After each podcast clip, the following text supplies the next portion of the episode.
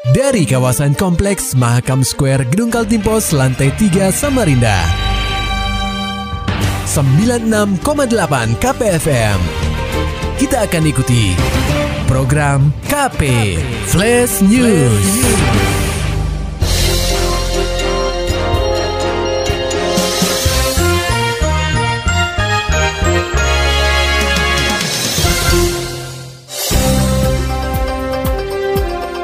Anda sedang menyimak program KP Flash News bersama saya Agung Pratama. Peringat KP, beberapa hari terakhir Samarinda terus diguyur hujan dengan intensitas ringan hingga lebat. Tentu kondisi cuaca seperti ini membuat masyarakat khawatir akan terjadinya musibah banjir ataupun longsor, terlebih saat perayaan Natal dan Tahun Baru 2023. Oleh sebab itu, Badan Penanggulangan dan Bencana Daerah atau BPBD Samarinda telah mempersiapkan personilnya untuk melakukan langkah antisipasi. Tak hanya itu, personil BPBD Samarinda juga diikut sertakan dalam operasi Lilin Mahakam 2022 guna mengantisipasi musibah yang tidak dapat diprediksi. Kepala BPBD Samarinda Suwarso mengatakan berdasarkan informasi yang pihaknya terima dari Badan Meteorologi, Klimatologi, dan Geofisika atau BMKG, cuaca ekstrim akan terjadi hingga Februari 2023 mendatang. Cuaca ekstrim ini akan ditandai dengan curah hujan yang tinggi, angin kencang, serta air pasang tinggi. Kalau info dari BMKG, hidrometeorologi itu sampai dengan Februari 2023 yang patut diwaspadai ya. Ekstrim ya. ya cuaca cuaca ekstrim. Jadi ditandai dengan curah hujan tinggi, angin puting beliung, pasang tinggi. Nah, Samarinda ini kan juga ada robnya itu. Untuk itu uh, untuk pengamanan Nataro ini titik-titik yang selama ini banjir ya kita jagai. Ada berapa titik? Untuk yang mengganggu lalu lintas dulu ya. Ini kan kaitannya dengan aktivitas mobilitas, mobilitas ya itu ya di Alaya, kemudian di Simpang 4 Sempaja, termasuk di Lembuswana. Sekitar 3 sampai 5 titik lah ya. Itu yang kita waspadai. Suwarso juga mengingatkan kepada masyarakat akan bahaya longsor di tengah cuaca ekstrim. Khusus untuk titik longsor, Suwarso menuturkan bahwa seluruh wilayah di kota tepian memiliki potensi longsor mulai dari tingkat sedang hingga tinggi. Oleh sebab itu, dalam pengamanan Nataru ini, Suwarso telah mempersiapkan personilnya di beberapa titik untuk mengantisipasi adanya musibah seperti banjir dan longsor pada momen Nataru ini.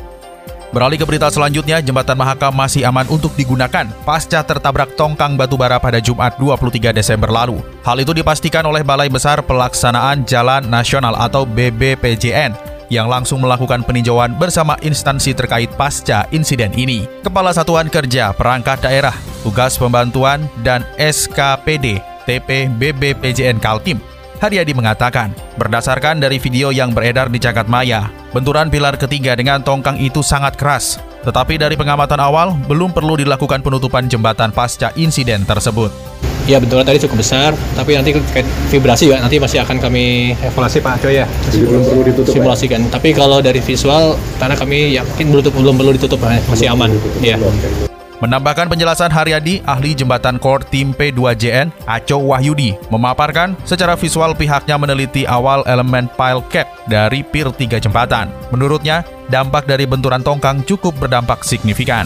Walau begitu, Aco menambahkan pihaknya sudah melakukan perkuatan pilar jembatan sebelumnya menggunakan elemen serat fiber sehingga dampak tabrakan tidak berimbas ke elemen utama dan secara visual kondisi jembatan Mahakam masih cukup baik. secara visual tadi kita sudah melakukan penyelidikan terhadap elemen pile cap dari Pier 3 hmm. itu memang imbas dari tumbukan eh, cukup signifikan karena langsung menubruk Pier 3 kita jadi ada beberapa elemen yang rompal tapi sebenarnya itu sudah sebelumnya kita sudah lakukan perkuatan hmm. jadi elemen yang ada itu adalah elemen serat fiber jadi dia tidak langsung berimbas ke elemen utama jadi untuk sementara secara visual itu masih kondisi baik. Jadi kerusakan itu akibat tumbukan besok kita akan melakukan penyelidikan lebih detail lagi terhadap file Pier 3 apakah terjadi perubahan bentuk atau tidak. Jika itu terjadi perubahan bentuk otomatis uh, kita akan simulasikan tumbukan tersebut untuk mengetahui kondisi jembatan di sisi lain, Polresta Samarinda mengerahkan Satuan Polisi Air dan Udara atau Satpolairut untuk melakukan penyelidikan atas insiden ini. Kapolresta Samarinda Kombes Pol Arif Adli menerangkan, Empat orang saksi telah dimintai keterangan, termasuk nahkoda dan juru mudi kapal yang menarik tongkang. Permasalahan ini sedang kita lakukan penyelidikan. Kita sudah memeriksa beberapa saksi. Ada empat saksi yang sudah kita periksa dari nahkoda maupun dari juru mudi.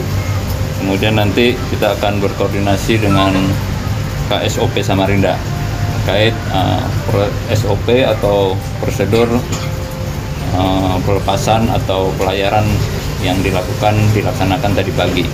Dugaan awal Pak penyebab tabrakan tadi pagi? Uh, masih tahap penyelidikan ya, jadi kemungkinan nanti kita akan sama-sama menghitung melihat arus air mungkin atau mungkin apakah ada kelalaian di situ.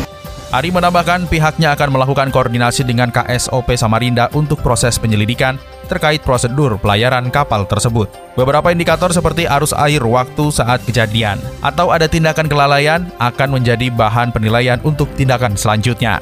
Hal itu dilakukan untuk memastikan bahwa jembatan Mahakam aman untuk dilalui pasca insiden tersebut. Beralih ke berita ekonomi, pendengar KP Bank Indonesia atau BI mendukung langkah Pemkot Samarinda dan Pemkap Kutai Kartanegara dalam meningkatkan kualitas usaha mikro, kecil, dan menengah atau UMKM. Deputi Kepala Kantor Perwakilan BI Kaltim, Hendik Sudaryanto, mengatakan dua pemerintah daerah tersebut tengah menjalankan pemberian kredit dengan bunga 0% bagi UMKM. Bantuan permodalan diberikan melalui perbankan yang telah ditunjuk. Hendik menerangkan, pinjaman kredit 0% bagi UMKM tersebut bukan bersifat hibah. Bunga dari pinjaman kredit tersebut dibantu subsidi pemerintah. Di Kaltim ada dua, Bukar sama Samarinda. Prinsipnya bahwa itu bukan hibah, bukan bilang hanya bunganya aja disubsidi oleh pemerintah. Tetap bisnis. Ini yang disadarkan kepada UMKM bahwa itu bukan hibah loh, tetap wajib untuk uh, membalikan. Cuma mereka diberi ringanan banyak nol. Kalau ukur kan tidak nol. Ada subsidi bunga dari pemerintah. Selain itu, Hendik juga menjelaskan ada beberapa program lainnya yang ditujukan untuk meningkatkan ekonomi masyarakat. Hal ini sejalan juga dengan tugas-tugas Bank Indonesia. Sementara itu pendengar KP, BKKBN Kaltim optimalkan peran TPK mendampingi ibu hamil dan pasca salin untuk mencegah stunting. Laporan selengkapnya disampaikan reporter KPFM Samarinda, Maulani Alamin. Pendampingan ibu hamil dan pasca bersalin menjadi upaya strategis dalam program penurunan prevalensi kekerdilan atau stunting. Kepala Bidang Kesehatan Masyarakat Dinas Kesehatan Kaltim, Nurul Wahdah, menerangkan pencegahan stunting pada anak dilakukan sejak seribu hari pertama kehidupan. Hal ini disampaikannya usai membuka pelatihan penguatan tim pendamping keluarga atau TPK dalam pendampingan ibu hamil dan pasca salin yang digelar BKKBN Kaltim. Menurut Nurul, pola pengasuhan di fase seribu hari pertama kehidupan penting menunjang pertumbuhan dan perkembangan anak, sehingga TPK perlu memahami cara pendampingan ibu hamil yang baik, sebab petugas TPK yang berhadapan langsung dengan persoalan di lapangan. Alhamdulillah teman-teman BKKBN ya tentunya juga bersinergi dengan lintas OPD terkait TPPS di provinsi ini uh, akan uh, memperkuat lagi tim pendamping keluarga. Karena tim pendamping keluarga ini kan levelnya adalah di level desa. Tugas mereka, mungkin sudah disampaikan teman-teman BKKBN juga adalah bagaimana mereka mengawal pada seribu hari pertama kehidupan Kepala BKKBN Kaltim Sunarto mengamini kalau memperkuat sumber daya manusia yang ada di TPK adalah ikhtiar mencegah angka stunting semakin meningkat. Sunarto menilai TPK memegang kunci utama dalam upaya penurunan prevalensi stunting. Ya, penguatan itu kaitannya dengan kemampuan, komitmen gitu ya. Jadi kita memberikan penguatan lagi terhadap kemampuan tim pendamping keluarga komitmen tim pendamping keluarga dalam ya dalam penanggulangan stunting ini. Ya, meskipun pendampingannya di ibu hamil dan pasca salinnya. Dalam kegiatan tersebut, BKKBN Kaltim menghadirkan pembicara berkompeten di bidang objin atau dokter kandungan dan spesialis anak. Para peserta mendapat materi pelatihan tentang menjaga kehamilan tetap sehat untuk bayi bebas stunting dan pemberian air susu ibu atau ASI eksklusif. KPFM Samarinda, Maulani Al-Amin melaporkan. Dari dunia olahraga pendengar KP imbang hadapi 10 pemain PSM Makassar. Borneo FC akhiri paruh musim di papan atas. Laporan selengkapnya akan disampaikan oleh reporter KPFM Samarinda, Muhammad Nur Fajar. Borneo FC Samarinda gagal menutup putaran pertama Liga 1 dengan hasil manis setelah ditahan 10 pemain PSM Makassar dengan skor satu sama saat bermain di Stadion Sultan Agung Bantul pada Jumat 23 Desember 2022. Padahal pesut etam unggul terlebih dahulu lewat sepakan keras Stefano Lillipali di menit 64. Sayangnya pada menit 85 lini pertahanan Borneo FC sedikit lengah, sehingga playmaker PSM Makassar, Miljan Pluim, mampu menyamakan kedudukan yang membuat skor menjadi imbang satu sama hingga akhir pertandingan. Mengomentari jalannya laga, pelatih Borneo FC Samarinda, Andre Gaspar, mengakui bahwa PSM Makassar bermain baik, terutama lini pertahanan mereka. Tetapi timnya juga tidak kalah baiknya dengan mencetak gol lebih dulu. Sayang, timnya kecolongan di menit akhir sehingga gagal mengkudeta PSM Makassar dari puncak klasmen. Um bem. É, havia tomado oito gols só no campeonato, né? A gente sabia disso. A gente procurou uma equipe da melhor maneira. Pudéssemos sair com a vitória, mas infelizmente no finalzinho tomamos aquele gol ali que, que, que foi um empate, né? Mas eu acho que a equipe está de parabéns, foi valente. É, tá todo mundo parabéns. uh, pela tenda bicara uh, katanya keras untuk kita ya maka sadar tim bagus mereka bertahan bagus ya. tapi kita main bagus ya. Kita cetak gol dulu dan uh, eh, sebelum uh, menit terakhir ya Makassar cetak gol tapi semua memang kerja keras ya. Kita juga ada situasi ya, penalti kick ya. Wasit tidak kasih untuk kita. Tapi ya selamat untuk pemain kita selamat untuk semua ya Hasil imbang ini tentu membuat Borneo FC Samarinda gagal beranjak dari posisi 4 klasmen Liga 1. Meski mampu bertahan di papan atas pada paruh musim, posisi mereka terancam tergeser oleh Persib Bandung dan Persija Jakarta yang masih menyisakan beberapa pertandingan sebelum jeda paruh pertama kompetisi. KPFM Samarinda, Muhammad Nur Fajar, melaporkan.